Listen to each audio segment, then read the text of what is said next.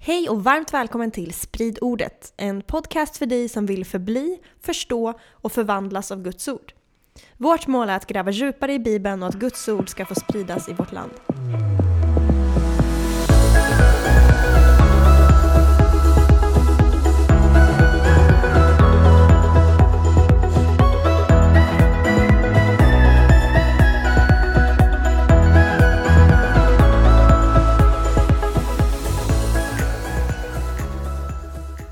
Yes, let's go! Vi är möjligtvis på det sista avsnittet i vår serie Gott och ont. Jag det beror, det. beror på hur det går här idag. Vi siktar på det, men vi får se.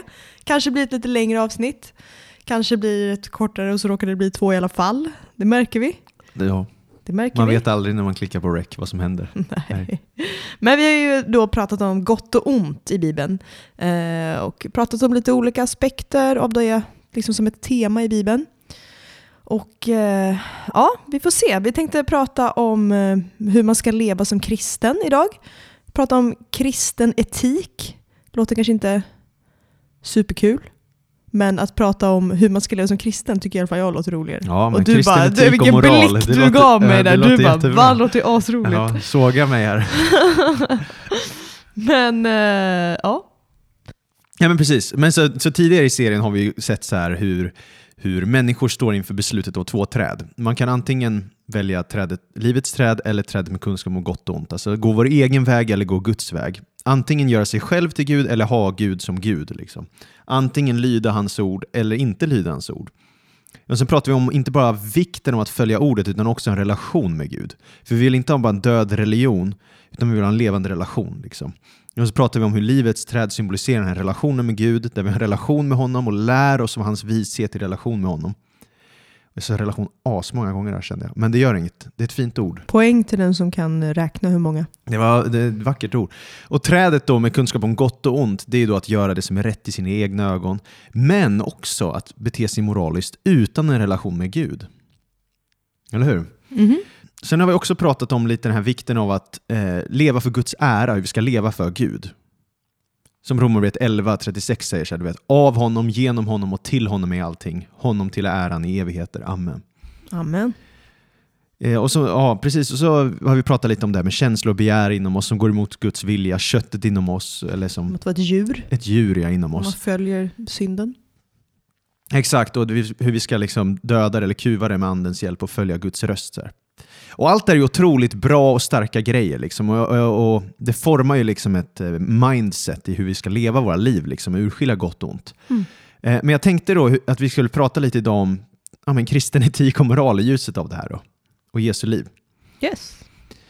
Eh, Så tänkte börja med typ så att Ja men lite humor tänkte jag börja med. Eller jag vet inte, jag tycker det är roligt. För etiska, Skyhörda förväntningar. Skyhöga förväntningar. Nej, jag vet inte. Men så här, etiska system har ju sett olika ut genom alla tider. genom historien och kultur. Så här. Kul. Nej, det var inte skämt. Men det finns ett skämt så här, som någon, någon sammanfattade europeiska kulturer liksom, i fråga om det här lag och etik. Och då, då var det någon som sa så här. I Tyskland är allt förbjudet förutom det som är tillåtet. I Frankrike är allt tillåtet förutom det som är förbjudet. I Ryssland är allt förbjudet, även det som är tillåtet. Och i Italien är allt tillåtet, även det som är förbjudet. Det är väl lite roligt, eller? Jag vet. Men om man är medborgare i Guds rike, hur ser det ut då? Det är det vi ska prata om. Hur ska man leva då? Så. Eh, och du ger mig blickar du inte uppskattade skämtet. Ja, ja. Jag är inte så insatt. Okej. Hur som helst, det viktigaste med Bibelns etik då, det är, alltså det absolut viktigaste är att den är Jag måste teologisk. bara lägga till. Jag, bara, det, jag Ja. satt och funderade på vad, vad skulle det varit om man la till en svensk. Mm. I Sverige är allt tillåtet så länge du håller med mig. Mm. Så länge du håller med strömmen kanske. Ja, Ja, precis. Annars blir du cancelled. ja, ja. Spännande tanke. Ja, hur som haver. Nu skulle vi prata... Förstörde jag din grej? Nej, nej, nej, men spännande. Men vi ska prata om Bibelns etik här då. Den är främst teologisk. Det kan Oj, jag oj, inte oj. säga att svensk, svenska statens etik är. Eller så här, vad ska vi säga, Sveriges rikes lagar. De är inte främst teologiska, eller hur? Utan, men som Guds folk så har vi främst en teologisk etik. Alltså, allt etiskt och moraliskt är på alla sätt och vis relaterade till Gud. Hans karaktär, hans vilja, hans agerande och hans syfte. Mhm. Liksom, det går inte ens att ha moral frånkopplat Gud. Så för att ens förstå sig på etik och moral behöver man veta vem Gud är. Mm. Liksom, för att veta gott och ont behöver vi lära känna Gud. Så det här är liksom basic Christianity, eller vad man ska säga. Teologi och etik är helt oseparerbara. Ja. Och det går inte att förklara hur och varför israeliterna eller kristna levde som de levde förrän man förstår hur och varför de trodde vad de trodde. ja, för det handlar ju om en hel världsbild där Gud är i centrum. Exakt. Och har man inte den världsbilden att Gud är i centrum, hur ska man då ha sin liksom, etik och moral? Precis, och det här, man skulle kunna prata om det på filosofiskt plan, filosofiskt plan också. Så här, ja, men hur har man ens en objektiv moral om man inte har Gud? och så här. Men vi behöver inte prata om det nu. Skönt. Vi behöver inte basha på se se sekularism, höll på att säga. Men, utan så här bara. I, i, i, i, I det här om, med den här kristna etiken, vad ska jag säga, så är det jätteviktigt med tillbedjan. I hela Bibeln, om vi säger Bibelns liksom narrativ, det är vilken Gud du tillber avgör hur du lever. Och när man läser Bibeln så ser man att när Israel började dyrka andra gudar, avgudar, alltså inte Herren, Javé, Mm. utan några andra, då var effekterna inte bara religiösa. Utan det påverkade hela samhället. Så att avgudadyrkan hade sociala och etiska effekter. Och det här är något så här profeterna gång på gång igen påpekar. De säger så här, men hur, du, hur vi beter oss beror på vad eller vem vi tillber. Så du blir som du tillber. Och dina handlingar visar vem du tillber. Och det här står ju i psalm 115 och psalm 135. Där pratar de om att man blir som man tillber. Så här. Ja, Mm. amen på det. Amen på det. Och nu tänkte jag då visa upp ett mönster också så här, som är extremt viktigt att förstå när det kommer till då hur vi ska leva. Och det, det är den här ordningen som dyker upp både i då hebreiska bibeln, de första 39 böckerna, och de 27 sista som vi kallar Nya Testamentet. Och ordningen är så här att Gud först räddar sitt folk, kallar in dem i en relation och sen i representation. Så du har räddning, relation, representation. Vad menar du med representation? Det är alltså att eh, eh, Guds folk, efter de blivit räddade och förts in i en relation med honom, ska nu representera honom. Man ska spegla Guds karaktär och natur. Man ska vara ambassadörer för hans rike. Man ska visa upp hurdan han är för världen. Liksom. Som man representerar honom. Ja. Och man lär känna honom genom vad han har gjort, alltså hans räddning, men också genom hans ord, vad han har sagt, hans uppenbarelse. Så jag tänkte bara lite snabbt gå igenom det här med räddning då. För om man kollar först på Guds agerande eller handlingar, hans räddning först, då är det att Gud alltid agerar först och kallar sen folk till att gensvara i Bibeln. Mm. Det här är liksom utgångspunkten. vi älskar för att han har älskat först. Precis så. Så Gud tar initiativet i nåd och räddar och sen gör han etiska krav utifrån det. Mm. Så etik blir därför en respons eller gensvar och tacksamhet inom den här personliga relationen han har fört in den i. Det är Så- inte bara en blind lydnad till regler och principer. Nej, så det handlar inte om ett, eh, alltså, jag köper någonting och betalar, eller så här, det, det handlar inte om eh, att jag gör någonting för att kunna få någonting i första hand. Utan i första hand är det han som ger någonting och därför Mm. får jag något. Exakt, exakt. Och jag, jag tror många missar det här när man läser lagarna i gamla förbundet. Ja, För då så här vid en första anblick så, är det, så, verkar det, så tror man nästan kanske så att lydnad till lagen är allt som spelar någon roll. mm. Men då missar man hela kontexten. Att Torah, liksom de fem Moseböckerna, det är mycket mer än lagar, utan de ges ju i kontexten av en berättelse. Det har vi pratat om många Mm. gånger i podden. Men, Men vad, att, vad skulle du säga är första steget som Gud gör då? Och sen får man lagarna? ja men alltså först och främst så skapar han ju världen. Ja, så det- ja, men först har man ju liksom skapelsen och människan Ja. i uppror och allting. Sen kallar Gud Abraham då, ett folk. Ja. Det här är innan lagen. Och så säger han så här, men jag- genom dig, jag ska använda dig och dina ättlingar, eller Mm. avkom, avkommor, till att välsigna hela världen. Mm. Så Gud utväljer judiska folket, som det sen blir då, för att välsigna hela världen. Mm. Inte för att bara välsigna dem, utan för att välsigna hela världen. Och det är jätteviktigt då. Och sen kommer man ju då till andra Mosebok där, till, där, där folket har kommit till slaveri, och så kommer uttåget ur Egypten. Mm. Och sen så kommer de till Sinaiberget och de får lagarna där. Ja. Men sekvensen, alltså i ordningen hur berättelsen sker, är superviktig då. För att när Gud möter Mose vid Sinaiberget första gången, vid den brinnande busken som vi pratade om förra Ja. gången, Ja, just det, för det var samma plats. mm, det är samma plats eh, som de säger i lagen, men då möter de där en gång först. Och så, då skickar inte hon honom till Egypten för att säga till israeliterna som sitter i slaveri så här. Så säger han, han säger inte till Mose, okej Mose gå nu till israeliterna som är i slaveri. Gå och säg till dem, det här är Guds lag. Om ni håller den fullt ut från och med nu kommer Gud rädda er från slaveriet och förtrycket i Egypten. Eller hur? Det är inte det han gör. Du har en poäng där. Utan, så folket som är fast i slaveri, de kan inte påskynda sin räddning, de kan Nej. inte förtjäna sin räddning genom att hålla lagen. De Utan- får den först och sen kommer lagen. Exakt, så Gud räddar dem först och ingår ett förbund med dem. Och sen när de är i förbundet, då förväntar han sig att de, deras gensvar ska vara i tacksam lydnad gentemot den här frälsande guden. Starkt att det här är ett tema redan i Gamla Testamentet. Ja, För exakt. som I du gamla förbundet. Ja. Ja. men för som du säger så är det ju ofta att man tänker att ja, det var så lagiskt, det var så hårt, Mm. det var så mycket man behövde göra för att nå upp. Typ. Men sen kom Jesus och då blev allt åt andra hållet. Men egentligen har ju temat funnits i hela Bibeln. Exakt. Det är bara att jag har varit korkad och missat det. Eller så. Just saying. Men så du ser det, först räddning, sen relation och sen representation. Där blir också då så tydligt att Gud är densamme. Mm, Det är exakt. ofta ett ja, ja. tema i 100%. bibelstudier. Är Gud densamme i gamla och nya förbundet? Ja, liksom? ja, 100 procent. Det är alltid samma Gud. Hela Bibeln. Bibelns 66 böcker, det är samma Gud. Tryggheten själv. Går inte att rubba honom så lätt du. Så poängen är, etisk lydnad, eller moralisk lydnad då, är ett gensvar till Guds nåd. Mm. Inte ett sätt genom vilket man förtjänar eller uppnår nåden. Precis som lovsång. Så att etisk lydnad, alltså lydnad, det är en form av tillbedjan till Gud. Ja, ja, Det är ett absolut. svar Precis på så. vad, Exakt så. vem han Exakt. är och vad han gör. Exakt så, för tillbedjan i Bibeln är ju mycket mer än bara liksom sjunga sånger. Det är en viktig del av det också. Mm. det är men mer det är än en hur du lever. Ja, men det var det jag sa innan, liksom att eh, vem de, vilken gud de tillbad fick jättemycket sociala konsekvenser på Ja. samhället. Och vi kommer prata mer om det. Spännande. Men den här ordningen, alltså Gud agerar först och vi ska agera i gensvar, den hittar du till och med i de tio budorden. Mm. När, det första som händer när Gud ger de tio budorden. Om, om du läser den första versen av de tio budorden, det är Andra Mosebok 20, vers 2. Jag är Herren din Gud som har fört dig ut ur Egyptens land, ur träldomshuset.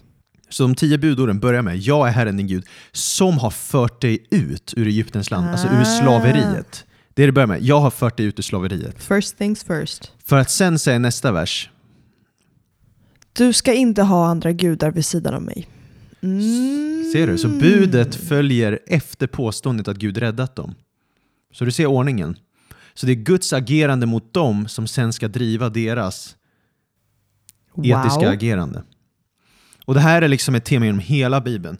Till exempel i femte Mosebok 6, eh, vers 20-25, så talar, talas det om när en israelitisk son frågar sin pappa så här. Vad är skälet till alla de här lagarna vi följer? Och då ska han inte svara, för Gud befaller det. Utan istället så ska han berätta berättelsen om Herren och hur kärleksfullt han räddade dem när de var slavar i Egypten. Att han gav dem nytt liv. Och det är därför de håller buden. Men det är ju också ganska logiskt. Alltså om man tänker att, eh, ja, ett superkonkret exempel. Hela mitt liv har tandläkare sagt åt mig att du måste flossa dina tänder. Och inte sagt varför. Man bara, ja, jag är skitdålig på det. Jo, sen jo, sen jo. träffade jag en tandläkare som sa du måste flossa dina tänder för när du blir gammal då kommer du ha mycket lättare få tandlossning om du inte gör det. Då började jag ju direkt flossa tänderna varje dag.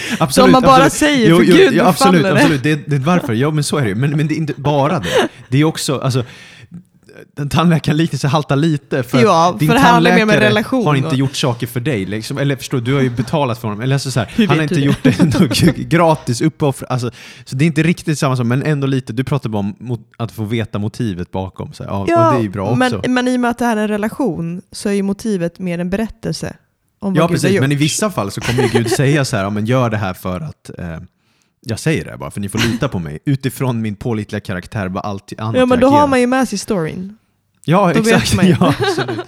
Ja det är en haltande, haltande bild. Okej, men men ändå, ändå lite rimlig. Okej, det är en ny titel här. Ni hör det, sprid ordet-lyssnare. Gud är en tandläkare.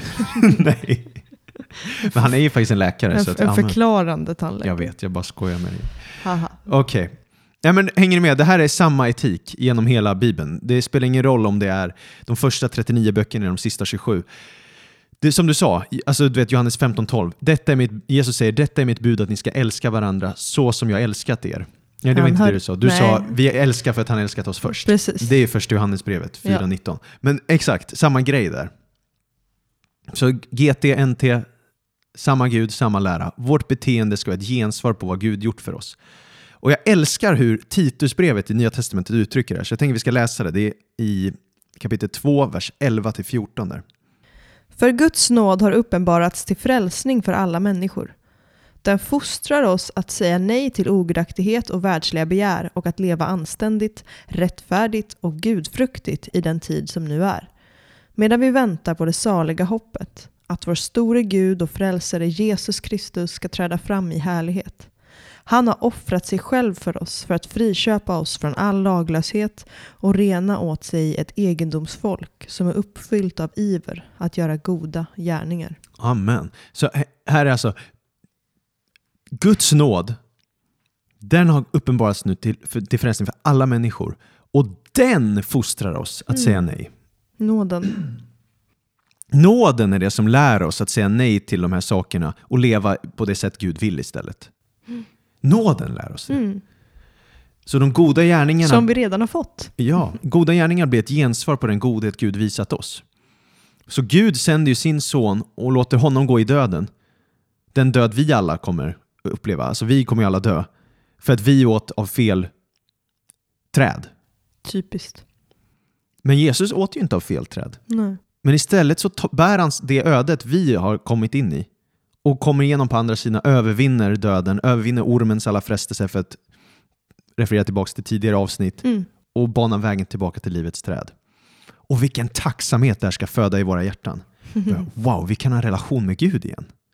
Tack vare Jesus. Han har räddat oss från döden, han har räddat oss från liksom evig dom. Han har gett oss nytt liv, så han räddar oss. Men han räddar oss inte bara, utan han förlåter oss också. Mm. Hänger du med? Alltså, du vet, det är liksom... Det är samma sak som i, i, i- i gamla förbundet. När de, de blir räddade från Egypten, och då blir de räddade från ett slaveri. Men sen så lär han dem också om hans förlåtelse. För direkt efteråt så gör de ju uppror mot honom när de har blivit räddade. Så börjar de typ så här, göra en guldkalv och dyrka den. Typiskt dålig idé. Jättedålig idé. Och så säger Gud så här, men nu kommer jag förgöra er. Men Mose går, ställer sig i gapet och säger så här, nej men Så casually sa han det så. Gud, Gud, Gud, tänk på ditt eget rykte, tänk på ditt löfte till Abraham. Liksom. Håll ditt ord här, förgör dem inte. Så här. Det är ett spännande sätt att be på som inte är så svenskt. Ja men verkligen, och, och, och, då säger Gud så här, okej då, ni får komma in i landet, men jag kommer inte själv gå med er. Och Mose bara, nej men det där svaret gillar jag inte. Så, Gud, kom ihåg nu, du är ett förbund med de här, liksom. det här är ditt folk. Och, så, och, Han är då, bold! ja, och då träffar den där bönen Guds hjärta. Så Gud förlåter folket och förbundet återställs. Poängen med den storyn det är liksom att Israels relation med Gud är helt beroende av Herrens trohet och trofasthet gentemot sin egen karaktär och löften, hans eget namn. Mm. Så Mose åberopar Guds egen ära, Guds eget förbund, vad Gud har gjort. Liksom. Mm. Och inte på grund av att Israel varit så duktiga att hålla buden och lagen. Nej, det var de inte så bra på. Nej, precis. Och det är samma sak i Nya Testamentet där, att vår relation med Gud är helt beroende av Jesus trofasthet och trohet gentemot sin egen karaktär och löften. Alltså det är inte baserat på vår framgång, vår förmåga att hålla buden, men han ger ju sin ande sen som hjälper oss hålla de här buden. Mm. Och det jag skulle komma till då är att det är en räddande och en förlåtande nåd. Mm. Så i Nya Förbundet så räddar ju Gud oss inte från Egypten utan från syndens slaveri. Alltså köttet, djuret inom oss, det som förslavade oss, de impulser som fanns på vår insida, de onda begär vi hade, som vi behövde lyda, för våra hjärtan var inte helt inställda mot Gud. Mm. Vi satte oss själva på tronen. Liksom. Och Jesus räddar oss från det, han befriar oss från det slaveriet och ger oss ett nytt liv. Nästan som man kan tro att han gillar frihet. Amen. Och hatar slaveri. Och han för in oss till förlåtande nåd också. För han är trofast mot sitt förbund. Mm. Och då så när vi gör fel, då säger ju första Johannesbrevet att om vi bekänner våra synder är han trofast och rättfärdig. Mm. Så han förlåter oss våra synder och renar oss från all orättfärdighet. Så vår syndernas förlåtelse är inte baserad på vår trofasthet, utan på Jesus trofasthet.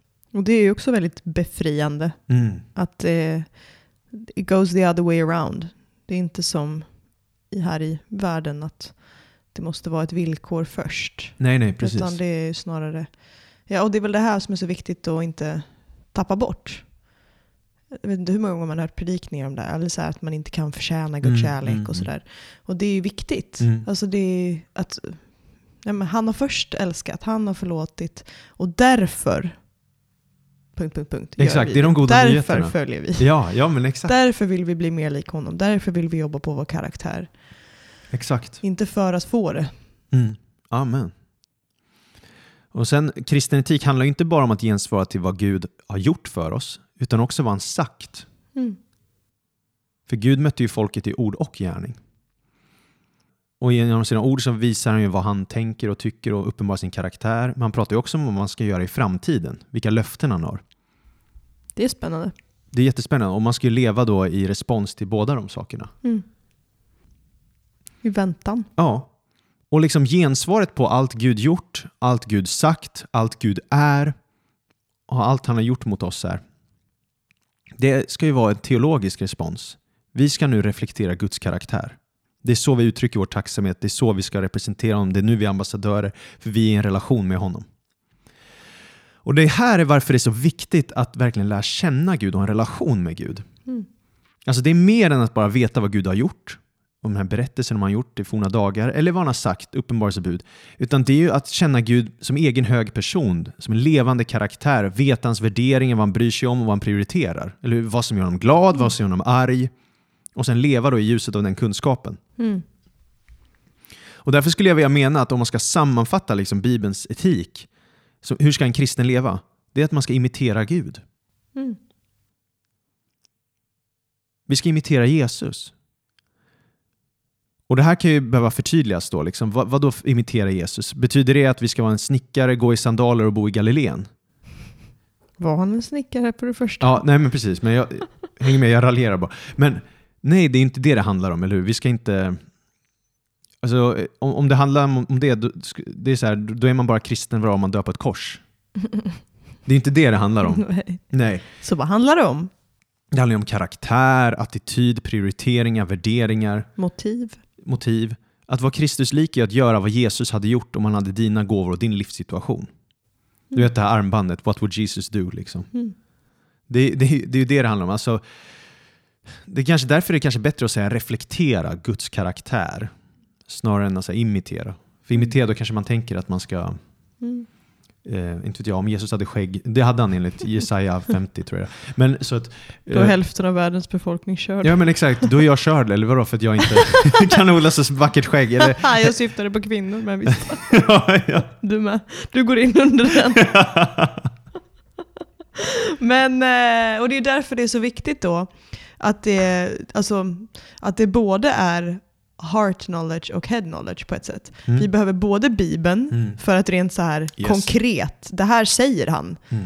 Oavsett vad jag tycker och tänker och känner om det, Ja. så säger han så här. Yes. Men vi behöver också lära känna honom, för hur härmar man en person man inte känner? Mm. Det, ja, det går inte heller så bra. Så det Nej. handlar ju inte bara om att vi ska bara sitta och plugga och läsa Bibeln, utan vi behöver be, hänga med Jesus, eh, Mm. bjuda in honom, tillbe honom. Jag alltså, blir ledd av den heliga Ande ja, i vardagen. Ja. lyssna på olika sätt. Gud talar på olika sätt. Så att det är ju... Ja. Ja. Am- Amen på det. Men så jag tänkte vi ska kolla lite på exempel nu här. I, vi börjar i Hebreiska bibeln. Det vill säga gamla testamentet. Ja, exakt. Där vi ska kolla lite på hur, hur Gud gör, gör kall på eh, hur han motiverar till beteenden. Liksom. yes.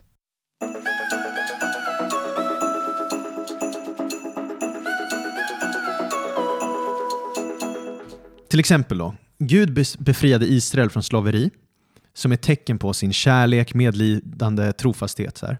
Och nu ska ju då Israel visa upp samma rättvisa barmhärtighet i hanterandet av slavar eller svaga i samhället eller invandrare och sådär.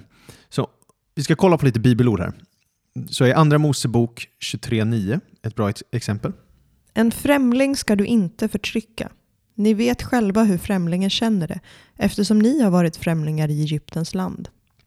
Exakt. Så här vi- vittnar det om liksom hur, hur ja, men ni har varit med om sådana här saker. Ni ska ta hand om främlingen. Mm. Och så om vi tar femte Mosebok 15, 12-15.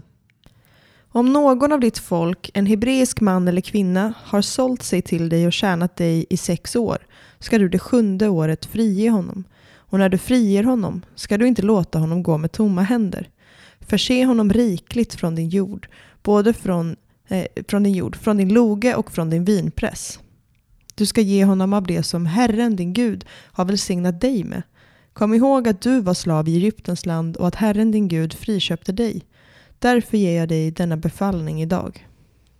Precis, så det här talar om en israelisk markägare. Han ska vara generös mot en slav. Alltså slavar, är, det var ju som välfärdssystem på den tiden. Det var inte så här slaveri som vi tänker oss med, ja men så här, som i USA. Nej. Inte den typen av förtryck och så, utan det här var som ett välfärdssystem. De blev frisläppta efter sex år. De var inte ägodelar på det sättet. De kunde gå fullständigt fria. Det handlar om om man själv hade hamnat i trubbel så kunde man Precis. till sist sälja sig som slav och då fick man jobba som tjänare. Typ. Exakt, för att man kanske inte ägde mark eller sådana Ja. grejer. Och då står det i alla fall, okej, varje slavarna ska frisläppas efter sex år. Varför? Ja, men då, då motiverar Gud där i femte Mosebok. Han säger dels på grund av nationens historia. För du själv var slav i Egyptens land. Och Alltså- Herren din Gud friköpte dig. Ja. Fast det låter ju också som att det, i alla fall i den förra som vi läste, ni vet ju själva hur främlingen kände det. Alltså att det är också så en förklaring för att, eller en påminnelse varför. Ja, precis. Men alltså, det, är som, det är därför Jesus säger till exempel att sammanfattningen av lagen och profeterna är allt vad ni vill att människor gör mot er ska ni Mm. göra mot dem. Ja. Jesus säger det är sammanfattningen av Mm. hela eh, hebreiska bibeln. Mm. De första liksom, 39 böckerna. Och, och det är den etiken det är här då. Men det är också, Gud har gjort det här för er, så nu ska ni behandla människor på det sättet. Det Gud har gjort ska ni reflektera till andra. Mm. Och samma sak som du läste där, så är det nästan ännu mer personligt bud. Det är inte bara, okej, du, du var slav i Egyptens land, Herren din Gud friköpte dig, därför ska du friköpa andra. Men också, förse honom rikligt från din jord, din loge, din vinpress. Mm. Du ska ge honom av det som Herren din Gud välsignat dig med. Så då kan han starta upp ett nytt liv, då behöver inte han vara slav igen. Eller hur? Så en israelit skulle, kunde inte bara sjunga Gud är god, liksom. du är god, utan att tänka på de etiska konsekvenserna. Nej. Så det var verkligen, eftersom Gud väl visat mig godhet ska jag visa det mot andra nu. Jag har blivit blessed to be a blessing. Mm. Precis. Och sen så har vi det här då med främlingar också. Alltså f- eh, att inte vara främlingsfientlig. Och det mynnar sig inte bara i liksom, att du vet själv hur det är. Inte bara gör mot din nästa som du själv vill bli behandlad. Utan det handlar också om din teologi. Att Gud älskar främlingen. Mm. Det är jätteviktigt. Alltså allt ska kopplas med det teologiska planet. Så vi kan läsa det också. För det är, det är liksom hjärtat egentligen vad som härstammar från Gud. Inte bara någon, någon nyckfull liksom känsla av att det här känns nice för mig att bli behandlad på det här sättet. Utan allt ska hela tiden kopplas till Gud också. Så om du läser 5 Mosebok 10, 17-19. Ty Herren er Gud är gudarnas Gud och herrarnas Herre. Den Gud som är stor och väldig och inger fruktan, som inte är partisk och som inte tar mutor. Han skaffar den faderlöse och änkan rätt. Han älskar främlingen och ger honom mat och kläder. Också ni ska älska främlingen, för ni har själva varit främlingar i Egyptens land. Där ser du det. Det är liksom tydligt att Gud älskar främling. Gud älskar invandraren. Det är så det är. Eh, och det blir helt tiden teologiskt kopplat. Det är samma sak som att liksom Guds räddning ur, av folket ur Egypten, det var ett utflöde av hans karaktär. Gud är en Gud av kärlek. Och Ja. han räddade det folket för att han älskade dem. Och sen samma sak, tre gånger i tredje Mosebok så beskrivs det så här hur uttåget i Egypten är en motivator för den rikare brodern att ta hand om sin fattiga broder. Så det, det är liksom en bild på, ja men ta hand om de svaga nu för att Gud tog hand om och så vidare. Så det här är bara några exempel på hur vi ska reflektera Gud. Mm. Så när man lär känna Gud mer så behöver man visa upp hans karaktärsdrag ännu mer. Och vi pratade lite om det i episoden om Sodom och Gomorra också, att Gud är guden av nåd, rättfärdighet och rättvisa, tzedek och mishpat. Så någon som vill följa Gud ska visa upp det då. Det finns flera bibelord som säger, är inte det att känna mig, säger Herren? Att visa upp tzedek och mishpat. Mm. Rättfärdighet, rättvisa, rätt. Och jag skulle säga att det bibelord som sammanfattar att reflektera och imitera Gud, i alla fall i, i tredje Mosebok, det är tredje Mosebok 19.2. Ni ska vara heliga, för jag, Herren er Gud, är helig. Att vara helig. Att vara helig är att reflektera Gud. Mm. Och helighet är ett ganska intressant begrepp. Många får Ja. olika associationer till det. Vad innebär det då? Ja, alltså spontant tänker man ju så här, men det handlar om rituell renhet, ordentliga offer, rena och orena djur och så vidare. Alltså att ha koll på det och även kanske moralisk renhet. Så här. Men det hela är också djupt praktiskt skulle jag vilja mena. För hela det här, alltså man skulle kunna göra en hel episod om helighet bara, men, men om, om vi bara tänker oss att helighet faktiskt handlar mycket om att bara imitera och reflektera Gud. Att vara som Gud är. Mm. Hans karaktär. Och det blir så tydligt när man läser tredje Mosebok 19. Hela det kapitlet som utvecklar konceptet kring helighet. Och de här verserna som följer liksom efter ni ska vara heliga, Herren är Gud är helig. Mm. Det handlar liksom om att hedra sina föräldrar, visa generositet mot den fattige under skördetiden, att vara rättvis mot arbetare, ha integritet i juridiska processer, behandla folk med respekt, bemöta funktionsnedsatta väl, jämställdhet för invandrare, ärlighet i handel, inget fusk, ha god sexualmoral, inte vända sig till spådom, man ska göra rätta offer och så vidare. Så det handlar om hur man lever. Man, Helighet man brukar ju säga att helighet handlar om att vara avskild. Mm. Att man är annorlunda. Alltså, yes. Och det är väl, eh, det här sticker väl ut mot hur andra folk var, Exakt. Yes. Precis så. Helighet är inget vi människor är naturligt. Att vara helig är ju att vara annorlunda avskild som du säger. Ja. Och inte bara annorlunda som i att man är annorlunda, Nej, inte... att man är udda, utan att man är annorlunda för att, nej, men för att man följer Gud. Exakt, leva på ett sätt som inte är naturligt för denna värld i dess fallna tillstånd. Vi lever på Guds sätt. Guds vis. Mm. Alltså det är ett otroligt stort statement. Var heliga för Herren är Gud är helig.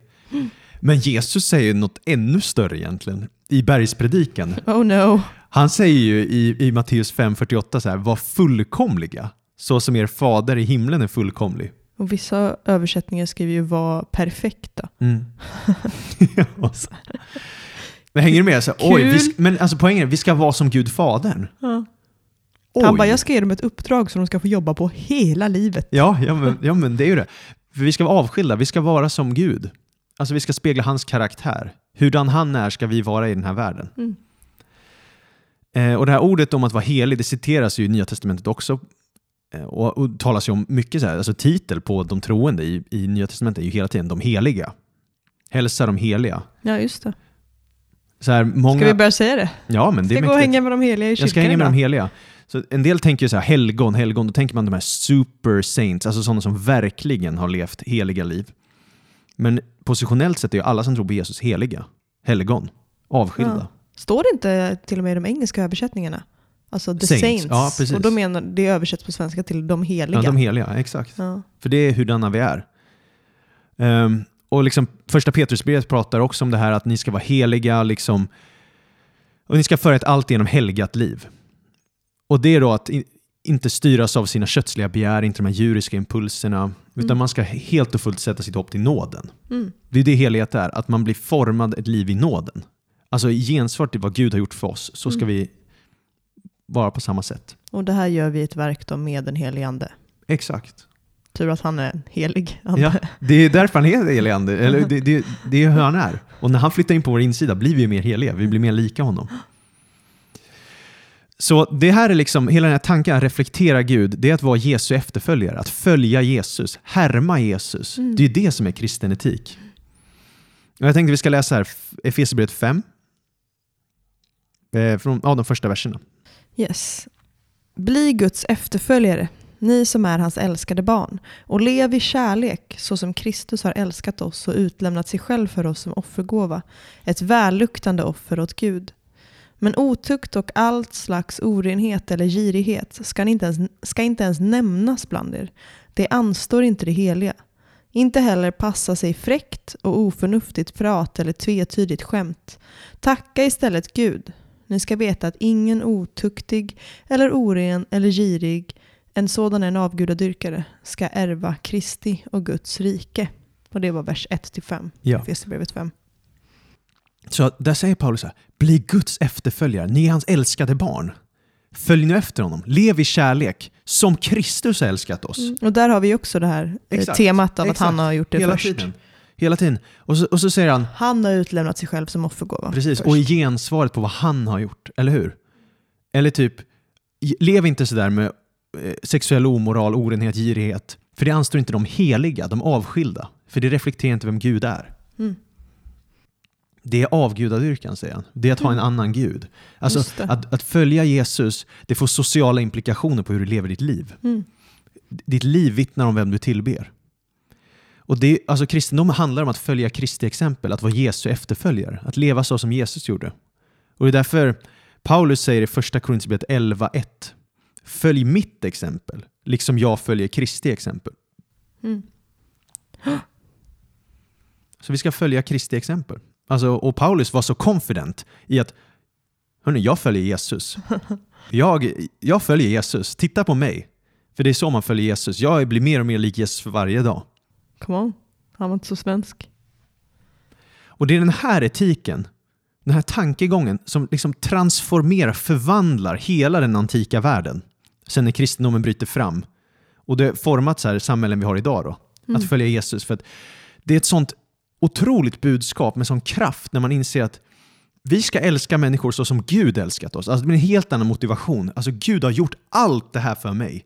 Han har räddat mig, ja, som vi pratade om israeliterna, han räddade oss från slaveri, han tog hand om oss som var fattiga, han gav oss rikedomar, han liksom gav oss vila, han, gav, han gjorde allt det här för oss. Allt han gjort det, och vilket gensvar, vilken tacksamhet. Vi ska ju vara så som Gud har varit mot oss. Det förvandlar hela samhället. Det är därför så här, det största budet var alltid att älska Herren sin Gud. Av hela sitt hjärta, själ, förstånd och kraft och älska sin nästa som sig själv. Och det kan vi ju nu göra för att Gud älskar världen så mycket att han gav sin enfödde son. Han gav det dyrbaraste han ägde. Så nu ska vi ge det dyrbaraste vi har. Alltså den kärlek vi fått uppleva ska vi ta vidare. Och nu ska vi gå i hans fotspår, vara hans barn, spegla hans karaktärsdrag, vara heliga. Mm. Och det är ju det som är det goda livet. E- Eller hur? Det är det som är livets träd. Det är då vi blir mer lika honom. Och när man börjar följa Jesus Kristus, då börjar saker hända. Då du. Människor lika Jesus förvandlar samhällen. För de är ljus och salt i en mörk förruttnad värld som inte bär ljusets frukt. Mm. Men, och så om man bara tittar på vilka samhällsförändringar liksom kristendomen gjorde med alla människor som verkligen trodde på evangeliet. Gud älskar mig inte för vad jag har gjort utan för vem han är och det förvand- nåden förvandlar mig. Alltså vilka impact det gjorde. Liksom, eller när, när de upptäckte det på reformationens tid, bara, "Huff", det bara slungade som en löpeld igen. Bara evangeliet. Wow, Gud älskar oss. Gud har gjort allt det här för oss. Vilket gensvar. Vi ska bara reflektera vem han är. Eller bara från början när kristendomen bröt fram ja, men du vet, de tidiga århundradena och framåt. Liksom. Det är ju lett fram till de samhällen vi har idag. Ja. Eh, Till exempel alltså, slaveri. Det, här. Alltså, det är en djupt kristen idé att avskaffa slaveri. För Jesus kom och befriade oss från syndens slaveri. Han är guden som befriade Israel ur slaveriet och oss ur syndens slaveri. Han är guden som dog för alla människor. Det betyder att alla är lika värda. Så i Kristus finns det varken jude eller grek. Det spelar ingen roll vilken etnicitet du har. Det spelar ingen roll om du är man eller kvinna eller om du är slav eller fri. För alla är vi ett i Kristus. Och det är det här som leder så småningom till den stora kristna rörelsen att avskaffa slaveriet helt. För det är fröet som växer till det här stora trädet. Alltså de här teologin av Jesus har gjort det här för oss. Och vår Gud är en chainbreaker, eller hur? Han är en frihetskämpe, han bryter ok. Ja, han bryter kedjor. Han är en frihetskämpe och då, vi kristna vill ju följa Jesus. Vi vill också vara sådana som, sett, som befriar människor ur slaveri. Och det förvandlar liksom samhällen. Och det är just den här imitationsetiken, tacksamhetsetiken med att reflektera vår frälsare. Det är det som har lett till till exempel att det är kristna och kristendomen som gjort att länder med starkt kristet arv, liksom, det är de som har fokuserat på sjukhus och skolor. Och hjälpa andra länder att etablera sjukhus och skolor. För att Gud är en helare och en läkare. Så vi ska hjälpa de svaga och sjuka. Gud är undervisar, så vi ska lära ut människor kunskap. Och den här etiken då, liksom, som Gud har lärt oss, hur Gud har visat oss, Gud har älskat oss, helat oss, läkt oss, så ska vi göra mot andra. För Gud är sån, då ska vi också vara det. Visst är det starkt? Verkligen. Alltså, och det är det här som är liksom kristen etik, verkligen att imitera Gud. Bli Guds efterföljare ni hans älskade barn. Alltså att ha ett samhälle med så lite våld som möjligt. För Jesu etik var ju vänd andra kinden till. För när han smädades smädade han inte tillbaka. Han lönade inte ont med ont. Han besegrade det onda med det goda. Fast han var oskyldig bar han lidande och la domen i Guds händer och upprättelsen i Guds händer. Han hämnades inte utan överlämnade hämnden till Gud. Han valde att förlåta istället. Så bara den här tanken om du vet ofattbar förlåtelse eller en andra chans i livet. Det är ju djupt kristna idéer utifrån Jesu liv och lära. Mm. Så vad Jesus och Gud gör för oss, det ska vi nu göra för andra. Som Kristus förlåter oss ska vi förlåta andra. Jag menar, alltså, det här är så bra grejer. Och, och, och det blir så sorgligt att se då, du vet samhällen idag med sekulära samhällen, humanism, där man verkligen bara hugger av grenen från trädet man har växt upp ifrån. För det är liksom, det går inte ens att tänka sig en värld om inte kristendomen hade funnits. Alltså, vi hade inte, samhällen hade inte sett alls ut som de gör idag. Även fast alla som liksom kämpar för goda saker inte är kristna, menar du att det kommer från en kristen etik? Ja, från, från, det blir så. Alltså, det har format samhället på det dramatiska Eller sättet. kristen etik låter också så dumt. En eh, Jesus-etik. Ja, Gudetik. evangeliet. Ja, Eh, och varför jag säger de här sakerna nu, det är inte för att jag baserar på en magkänsla, så, här, utan det är för att jag nyligen exponerats och lä- eh, tagit del av mycket av en sekulär historikers verk. Eh, Tom Holland heter han, han har skrivit så här, en tegelsten till bok som heter Dominion. Och den visar väldigt tydligt hur den kristna revolutionen förändrade hela världen. Och att det är svårt att ens föreställa sig en värld utan de här pånyttfödda kristna som var ljus och salt i världen. Så det är bara därför jag tar upp det, för det är liksom färskt i minnet. Sen så har vi pratat om det, att det är många som vill ta då kristna värderingar och allting och frånkoppla en relation med Gud. Mm. Och det är faran som vi pratade om i förra episoden. Mm. Och det är det Så då kan man ju fortfarande göra gott, men, eh, Verkligen. men vad räddade dig om du räddar hela världen och förlorar din själ? Ja, du tappar ju den förvandlande Ja. livskraften fortfarande. Det är ju, alltså, tron på Jesus, att han älskar mig, att det är en personlig Mm. Gud som har en relation med mig. Men, alltså, det är så starkt, den imitationsetiken. Alltså, det är det som formar kristet beteende. Alltså, till exempel att Gud säger inte bara vila på sjunde dagen, alltså he- hedra sabbaten. Utan han faktiskt själv vilar på sjunde dagen. Eller hur? Han visar det med sina handlingar. Mm. Alltså hans handlingar vittnar om vem han är. Han är guden som vill att du inte ska jobba ihjäl dig. Tänk dig, tänk dig de här stackars israeliterna. De har varit slavar i Egypten. De har jobbat sju dagar i veckan nonstop. Mm. Och det första han lär dem då när de kommer ut där är att Chilla. nu vill jag att ni lär er att vila. Ingen får arbeta sjunde dagen. Mm. De som tidigare får sitt värde att bara arbeta, arbeta, arbeta. De säger han till nu. Jag vill nu att ni ska förstå att ert värde finns inte i vad ni arbetar och presterar. Ni ska lära er att vila. För att jag själv har visat det med mina gärningar. När jag skapade världen vilade jag på sjunde dagen. Mm. Är det är starkt alltså? Han sätter ett exempel. Ja, och det är samma sak med liksom när det kommer till sexualetik. Alltså det är en djupt kristen idé det här med en exklusivt monogam relation mellan en man och en kvinna i trohet. Mm. Där inga sexuella relationer utanför den unionen är okej. Och då är det så här, varför det? Ja, men för Jesus relation med sin församling, det liknas vid en brudgum och en brud i trohet. Mm. Där bruden är eh, hans, alltså församlingen, Vi. det är vi. Och brudgummen är Jesus. Så precis som Jesus älskar församlingen, så ska en man älska sin fru. Alltså han ska vara villig att dö för sin fru. You better. Exakt, ja, men han ska vara villig att offra hela sitt liv för sin fru, som Jesus dog för församlingen. Med den kärleken, den intensiva kärleken. Och på samma sätt som församlingen förväntas nu att respektera och underordna sig Kristus, så ska Mm. kvinnan göra det Mm. mot mannen. För Jesus har varit exemplet. Jesus är trogen sin brud. Han lämnar henne aldrig.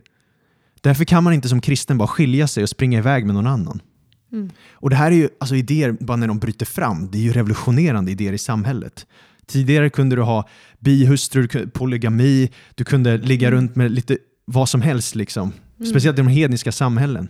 Och det här är ju varför den kristna traditionen också blir så tydlig då med den här heterosexuella aspekten av äktenskap också. För utöver alla de här bibelorden som finns i Bibeln om ja, men, samkönade sexuell aktivitet och alla andra typer av sexuell aktivitet liksom, utanför ett monogamt äktenskap så kan man ju liksom härleda den här etiken kring Jesus och församlingen. Mm. Bruden och brudgummen, eller brudgummen och bruden. Han har redan visat vägen. Han har visat vägen, för vi som Guds folk ska imitera vår frälsare. Vi ska vara hans följare, spegla hans karaktär och natur. Och om han visar då, det här är unionen, det här är det heligaste av allt, en brudgum och en brud. Och då blir det som att bara, wow, vi som kristna vill nu imitera det och leva ut det. Mm. Om vi vill ha en sexuell relation, liksom, då är det på det sättet, för vi följer Jesus. Han har satt exemplet, vi ska imitera honom. Eller reflektera honom. Ja. Och det är därför typ så här, ja men bara den här imitationen eller vad man ska säga, reflektionsteologin. Det är därför typ alla brev i Nya Testamentet inleds med läran så här. Ja men första kapitlet är alltid så här, det här har Gud gjort för dig. Det här är vem du är i Kristus. Det här är allt Gud har välsignat dig med. Sen kommer det praktiska gensvaret. Gör nu allt det här i respons. Mm. Det är inte bara en att göra-lista. Nej. Men sen så är det ju viktigt att säga att det kommer många listor då och då igen i Bibeln, i Nya Testamentet, på vad man ska göra och inte göra. Men de kommer inte först. Nej, de kommer alltid efter man har målat upp, det här har Gud gjort, det här är vem Gud är, det här är guden, hur fantastisk han är, det här är hans karaktärsdrag, nu ska vi vara heliga. Och om ni inte riktigt fattar grejerna så kommer det listor som verkligen förtydligar det här. det är lite så Paulus gör. Och det är det då vissa kallar syndakataloger. Och, och det här kan ju ha en negativ klang för vissa. Så här. För, Ja, för att det- är som man, när man tänker syndakatalog, då Ja. tänker man ju inte på det som står i Bibeln. Då tänker man ju på svensk historia av att man inte fick gå på bio, man fick inte dansa. ja, e- sig, exakt, typ. exakt. Och det är ju inte saker som står i Bibeln. Nej. Utan Bibelns syndakataloger, det är ju istället så här... Ja, det är inte, du får inte ha på dig byxor som kvinna. det är inte, det är inte men precis sådana grejer som du sa. Utan det är ju andra listor som så verkligen förtydligar vad som är gott och ont. Mm. Och det här är inte förhandlingsbara grejer, det här är vad Gud säger. Om du vill ha ett heligt folk, då lever du inte på det här sättet. Vågar du läsa någon sån lista för oss här Jenny? Absolut. Ja, vi kör. Det är ju Bibeln. eller? Galaterbrevet 5 tänker jag där. Ah, 19 till Här 21. står det, allt uh, utandats av Gud och Amen. nyttigt. Och, Yes, come on. Om vi läser Galaterbrevet 5 där, så, för vi pratar ändå gott och ont och jag vill knyta ihop säcken här bara. Liksom. Mm. Så Nya Testamentet, det är ju, ja, vi kör. Så Galaterbrevet 5, 19-21. Köttets gärningar är uppenbara. Alltså det här är då det som inte är bra. Köttets gärningar. Sexuell omoral, orenhet, orgier, avgudadyrkan, ockultism, fientlighet, gräl, avund, vredesutbrott, själviskhet, splittringar, irrläror, illvilja, fylleri, utsvävningar och annat sådant. Jag säger er i förväg vad jag redan har sagt. De som lever så ska inte ärva Guds rike. Där har vi det. Det är liksom en lista på. Mm. Och står inte detta i anslutning till eh, andens frukter? också? Ja, exakt. Så det är också inte bara så här ett pekfinger, utan det är också man presenterar, här har du istället. Ja, och det blir liksom, där i den kontexten är det sen, men här är istället dygder du som kristen ska visa upp. Du ska leva ut kärlek, glädje, frid, tålamod, vänlighet, godhet, trohet, mildhet, självbehärskning. Varför kunde du inte få läsa det där istället? Ja, det, det kan du få göra sen Nej, också. Jo, men, eh, ja, precis. Ska vi ta en till eh, li- lista? Liksom. Första Korinthierbrevet 6 där. 9, vers 9 till 11. Ja. Vet ni inte att orättfärdiga inte ska ärva, få ärva Guds rike? Bedra inte er själva. Och jag vill bara stanna där. Bedra inte er själv. Så Paulus är väldigt tydlig med att som kristen är det lätt att bli bedragen. Alltså varje brev i Nya Testamentet säger bli inte bedragna. Och det är därför vi ska vara vakna. Förutom ett brev. Men alla andra säger bedra inte er själva. Och, och det är det vi ska vara vaksamma. Och Paulus säger så här, ja, men nu är jag jättetydlig här. Det här är liksom gott och ont. Ja, kan läsa. Mm. Yes, så bedra inte er själva. Varken sexuellt omoraliska eller avgudadyrkare, varken äktenskapsbrytare eller de som utövar homosexualitet eller som låter sig utnyttjas för sådant. Varken tjuvar eller giriga, varken drinkare, förtalare eller utsugare ska ärva Guds rike. Sådana har några av er varit, men ni har tvättats rena. Ni har blivit helgade. Ni har förklarats rättfärdiga i Herren Jesu Kristi namn och i vår Guds ande. Amen. Så det här liksom, okej, han ger en till lista på. Så här har ni levt. Många av er, ni var så här. Men ni är inte så. För ni tvättade rena, ni helgade, ni förklarade rättfärdiga i Herren Mm. Jesu Kristi namn och i vår Guds ande. Så det är inte heller bara så en lista så här, har du gjort det här så är du körd. Verkligen. Utan det är, sen bara presenteras ju nåden. Eh, Att Ja. ni har varit så här men nu har ni, nu har ni tagit på er Kristus. Precis, och, och det är det. Har, nu har ni Kristi namn på er. Nu ska ni spegla Jesus Kristus. Reflektera honom. Titta på honom. Vad allt han har gjort för dig. Som vi pratade om liksom i, i gamla förbundet. Han räddade er ur Egypten. Okej, han befriade från slaveri. Behandla slavar med respekt nu. Alltså, sätt dem fria. Mm. Återlös dem. Behandla främlingen väl. För att Gud älskar främlingen. Han älskar den faderlösa. Alltså, hela den här grejen. att Det är den etiken. Ja, men som Kristus är i troet. Var så på det sättet. Alltså, lev ut allt vad Jesus Kristus är. Mm. Och jag skulle vilja då säga här att kristen etik och moral, det är att reflektera Kristus, men också i andens kraft leva ett dygdigt liv. Alltså leva ett liv som blomstrar så som Gud tänkt. Mm. Och vi behöver inte gå in på all moralteori, men inom dygdetiken så, så basically handlar det om att alla handlingar vi gör leder till ett bra eller dåligt liv. Och jag tänker att det kristna livet är lite likt det. Eh, och vad jag menar med det är att allt vi gör kan ses som en moralisk handling i, en, enligt kristendomen. Allt du gör. Oj då.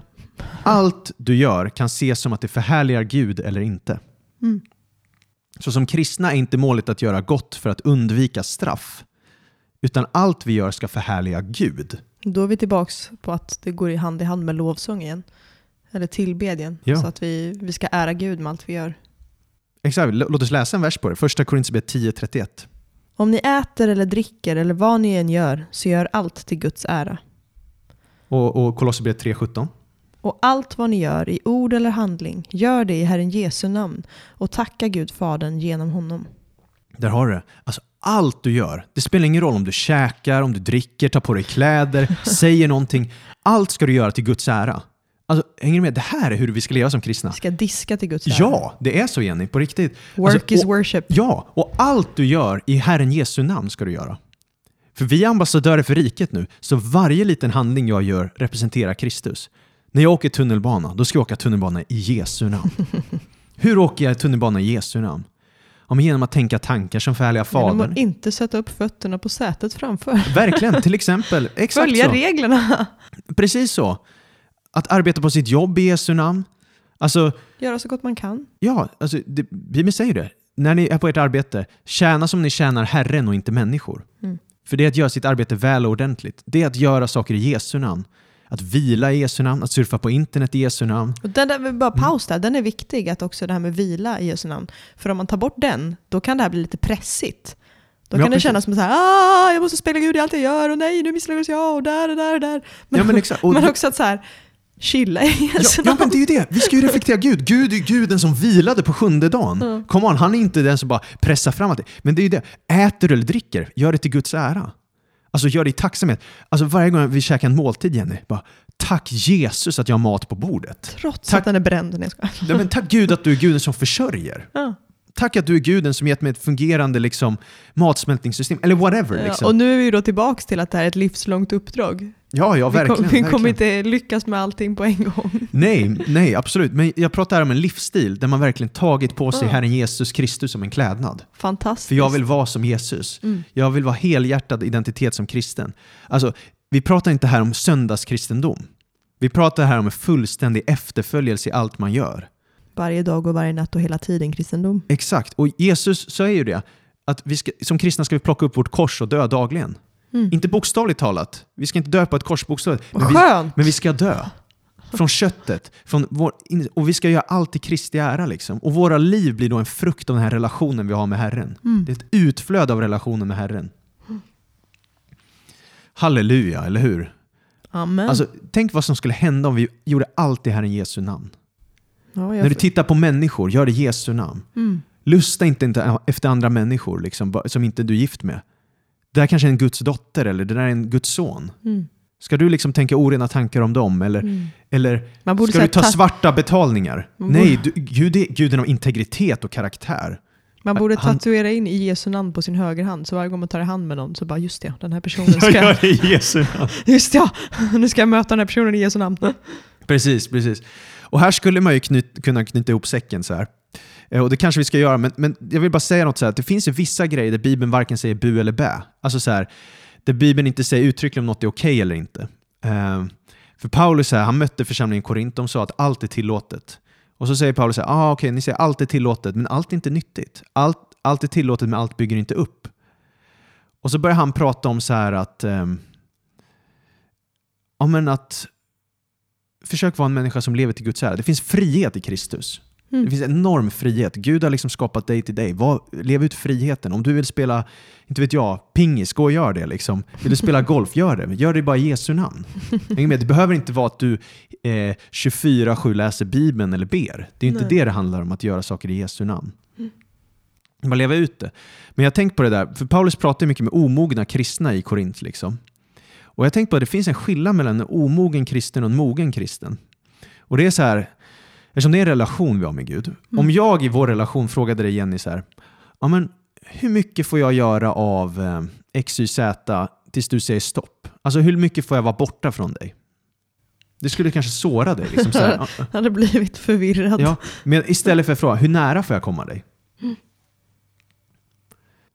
Och jag är, jag är rädd om att så här, alltså, om jag är bara intresserad av att undvika att göra dig arg, då är det en konstig relation. Ja. Jag ska ju fokusera på att ge dig glädje. Och jag tänker det är samma sak med relationen med Herren. Alltså om man bara frågar Gud, får jag röka? Får jag snusa? Får jag göra si eller så? Då missar man lite hjärtat i relationen. Mm. Det är bättre att fråga Herren, vad ger dig glädje? Mm. Inte så här, vad, vad- gör dig arg? Utan snarare, Gud, vad behagar dig? Hur kan jag ge dig så mycket glädje som möjligt? För jag är helt förälskad i dig. Jag Men, älskar dig men så det här mycket. handlar ju helt om eh, ett hjärt, alltså motivationen. Mm. För den första frågan är ju utifrån mig själv. Mm. Vad får jag göra? Vad kan jag få? Hur kan jag leva mitt liv så, precis så som jag vill, så mycket som möjligt, men ändå få ha dig? Medan det andra handlar om uppoffrande kärlek. Ja. Hur kan jag betjäna dig bättre? Hur kan jag Exakt. älska dig mer? Verkligen. Och jag älskar Hebreerbrevet 12. Jag minns hur Herren bara talade till mig angående det här bibelordet för flera år sedan. Så här. Och det talar där om hur, hur det kristna livet är som ett lopp. Och det talar om att vi ska springa vårt lopp uthålligt, ha blicken fäst på Jesus. Här. Och, så, och så står det där i vers 1 att Paulus säger, ja, men vi har en så stor sky av vittnen, men låt oss nu lägga bort allt som tynger och särskilt synden som snärjer oss hårt och löpa uthålligt i det lopp vi har framför oss och ha blicken fäst vid Jesus, trons upphovsman och fullkomnare. Som istället för den glädje som låg framför honom utstod korsets lidande utan att bry sig om skammen och som nu sitter på högra sidan om Guds tron. Alltså, och det var, som, alltså, det var som Gud började ta till mig. Just det, Petrus, det handlar om att ha blicken fäst på Jesus. Hela tiden, blicken fäst på Jesus. Men också, det stod lägg bort allt som tynger och särskilt synden som snärjer hårt. Det betyder att det finns saker som inte är synder som ändå hindrar oss från att springa väl. Vad skulle det kunna vara? Golf?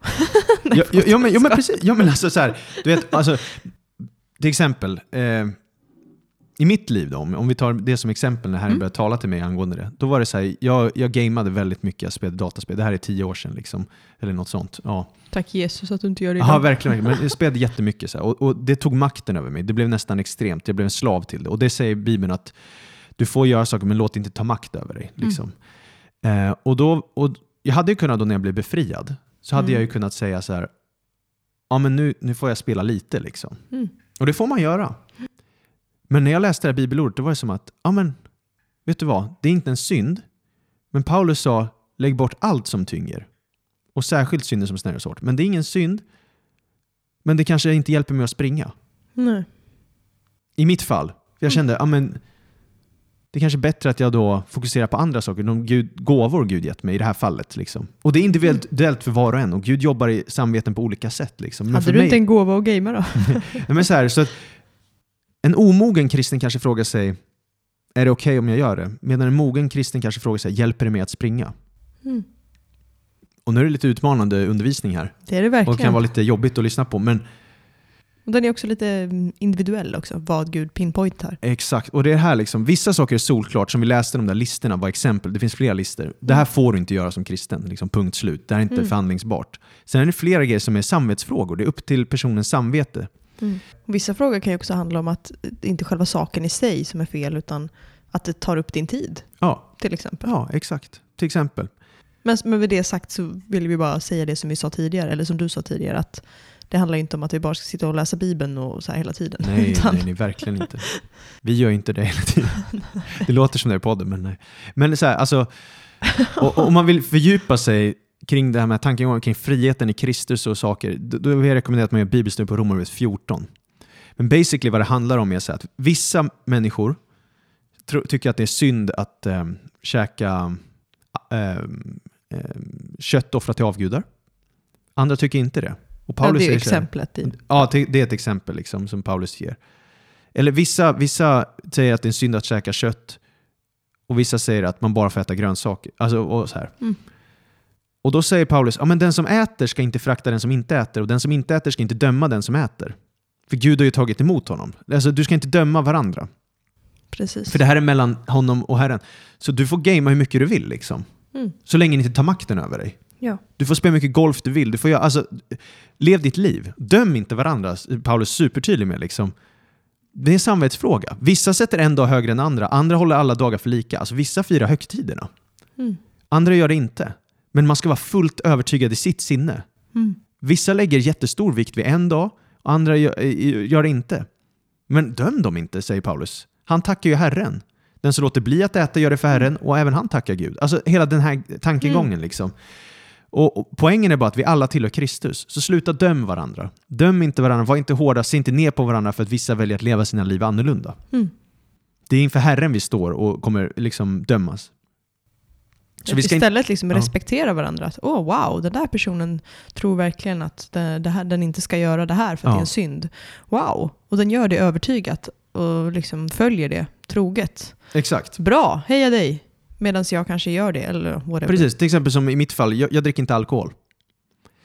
För vissa kristna är det en synd att dricka alkohol, för andra är det inte det. Fylleri är en synd enligt Bibeln. Att bli full är liksom, då missar du målet. Att Mm. dricka sig berusad. Det är Bibeln solklar med. Men att dricka lite alkohol, det gör inget. Bibeln är så här, du får göra det. Mm. Men vissa gör inte det för att samvetet fördömer en. Och då är det en synd för dig individuellt. Mm. Men för andra är det inte en synd. så här.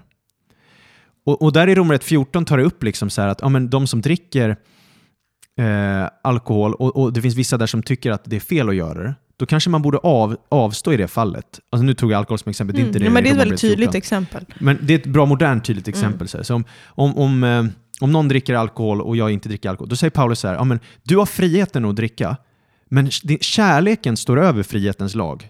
Så liksom Mm. basically, typ, när du är i rummet med den personen, kanske gör inte det. Mm. Gör det privat, hemma, Mm. med, din, med de som är fine med det. Gör det. Men alltså, gör inte det om det oroar din broders samvete. Liksom. Mm. För kärleken är viktigare än friheten. Eh, och det här blev ju jättekort liksom, crash course i hela den tankegången. Men man, men man får ju liksom, det är för jag ville knyta ihop hela den här gott och ont-serien Ja. i ett avsnitt så det blir väldigt snabbt här. Men, Ja.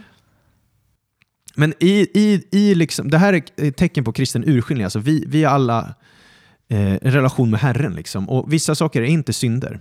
Vissa saker är en samvetsfråga, så det blir synd för någon och inte för en annan. Mm. Och Och, vissa synder är jättetydliga. Exakt. Alltså i Bibeln. Ja men verkligen. Eller, alltså, jag tänker typ så här, ja, men, som nu när det var val i, var det i höstas? Var, ja det var det. Ja. Så här, ja, jag tror det. Vilket riksdagsparti ska man rösta på? Troende kommer inte komma helt överens om det. Nej. Och det är fine. Däremot, det som ska förena oss kristna, det är processen genom vilket vi kommer fram till vårt beslut. Mm.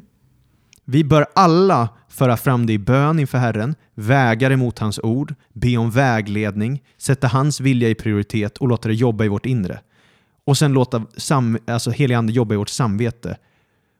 Och det kommer kanske leda till olika slutsatser för olika troende. Mm. För kroppen, Kristi kropp, är diverse. Vi är olika. Vi har olika Ja. gåvor, olika perspektiv. Och det är hur Gud har velat ha det. Vi pratar inte om så här, om men till skillnad från islams bild av Gud, eller så här, alltså det är väldigt strikt så här, bam, bam, bam, så här är det enda viljan. Liksom. Mm. Vi känner en frihetens Gud med unika gåvor, så i, i sådana frågor är det mer fritt spelrum och vi får liksom samverka Mm. som en kropp. typ så här. Ja. Mm. Nu tror jag vi har väckt många frågor. Det varit lite utmanande avsnitt här, tryckt ihop det här på typ en timme. Tankar på vad vi pratat om här idag, Jenny? Nej men eh, gott och ont är ibland glasklart men ibland inte. Mm. Alltså för att sammanfatta det allra sista vi sa. Att eh, Bibeln är jättetydlig med vissa grejer. Så här ska du göra, så här ska du inte göra för att leva heligt. Exakt. Eh, Vissa kristna vill fira halloween, andra inte. Till exempel.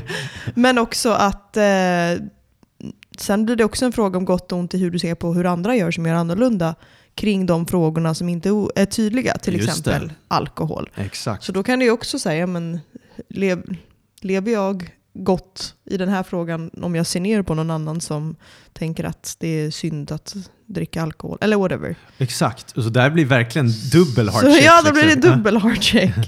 Eh, så det var en tanke. Och eh, ja, vi får inte vara så rädda för ordet helig, tänker jag Ja. med. Visst är det vackert? Det är ett jättefint ord. Det är att reflektera Gud. Var som Gud. Ja. Avskild. Hans sätt att vara i världen. Och bara evangeliet, att det är Gud som har gjort allt det här fantastiska för oss. Så vi ska vara Jesu efterföljare. Ja. Och konstant liksom i den här processen med att fundera på, eller process är det väl inte, hela livet, ja, Mm. whatever. Att leva eh, med att följa Jesus. Att komma ihåg det här att varför vi gör det. Det är Mm. inte för att vi måste. Nej. Utan det är först och främst för allt som Gud har gjort för oss. Han har älskat oss först, han har frälst Yes. oss, han har räddat oss, han har förlåtit oss. Yes. Och därför vill vi följa honom. Mm. Ja, det var mina tankar. Fantastiskt. Ja, jag blir så taggad alltså på Jesus. Han är en underbar Gud. Han är fantastisk. Jag hoppas verkligen att den här serien och det här avsnittet fått dig att inspirera att bara sträcka mot livets träd ännu mer Mm. eh, varje dag. Att leva nära Jesus, att söka Jesus, att eh, gräva djupare i hans ord och vilja följa honom. Eh, vårt mål är ju liksom att alla som lyssnar på det här ska vara som judarna i Berea. Det står att de, i Apostlagärningarna 17.11 att de tog emot ordet med all villighet men efterforskade skrifterna dagligen för att se om det kunde förhålla sig så. Mm. Alltså att vi vill bara vara en inspiration för dig att gräva djupare i ordet och komma till dina slutsatser. Därför vi Mm. inte ger alla svar. Liksom. Vi sa nu, men studera Romarbrevet 14 själv. Eller alltså så här, Mm. vi vill bara ge appetizers. Fortsätt sök. Fortsätt sök. Och eh, hör gärna av er om ni har frågor Mm. och funderingar. Så i mån av tid och vad säger man? Ja, så försöker vi svara på det.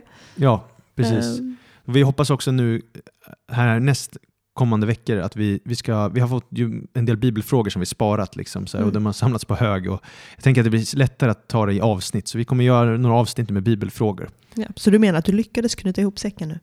Jag, jag, jag tror Ja, det. bra. Jag tror det. Det men det kommer ju säkert väcka frågor, men då kan vi ta Ja. upp dem i bibelfrågor framöver. Ja. Eh, så skicka gärna in era frågor Yes. till hej spridordet.se. Ja, eller skriv till oss på sociala medier. Vi finns på Facebook och Instagram. Ingen merstans va? Sprid ordet podcast på Instagram och sprid ordet på Facebook. Vi kanske ska avsluta den här serien med en bön. Ska vi göra Ja. det? Ja, tack Jesus att du lär oss mer om vad, vem du är och vad det innebär att följa dig och vara en lärjunge till dig. Tack för att du har älskat oss först, du har förlåtit oss först, du har räddat oss. Eh, hjälp oss nu att leva heliga liv och bli mer och mer lika dig och ha nåd med oss själva de gånger vi misslyckas. För du, hade, du har haft nåd med oss först också Gud. Tack för att du är allt igenom god. Amen.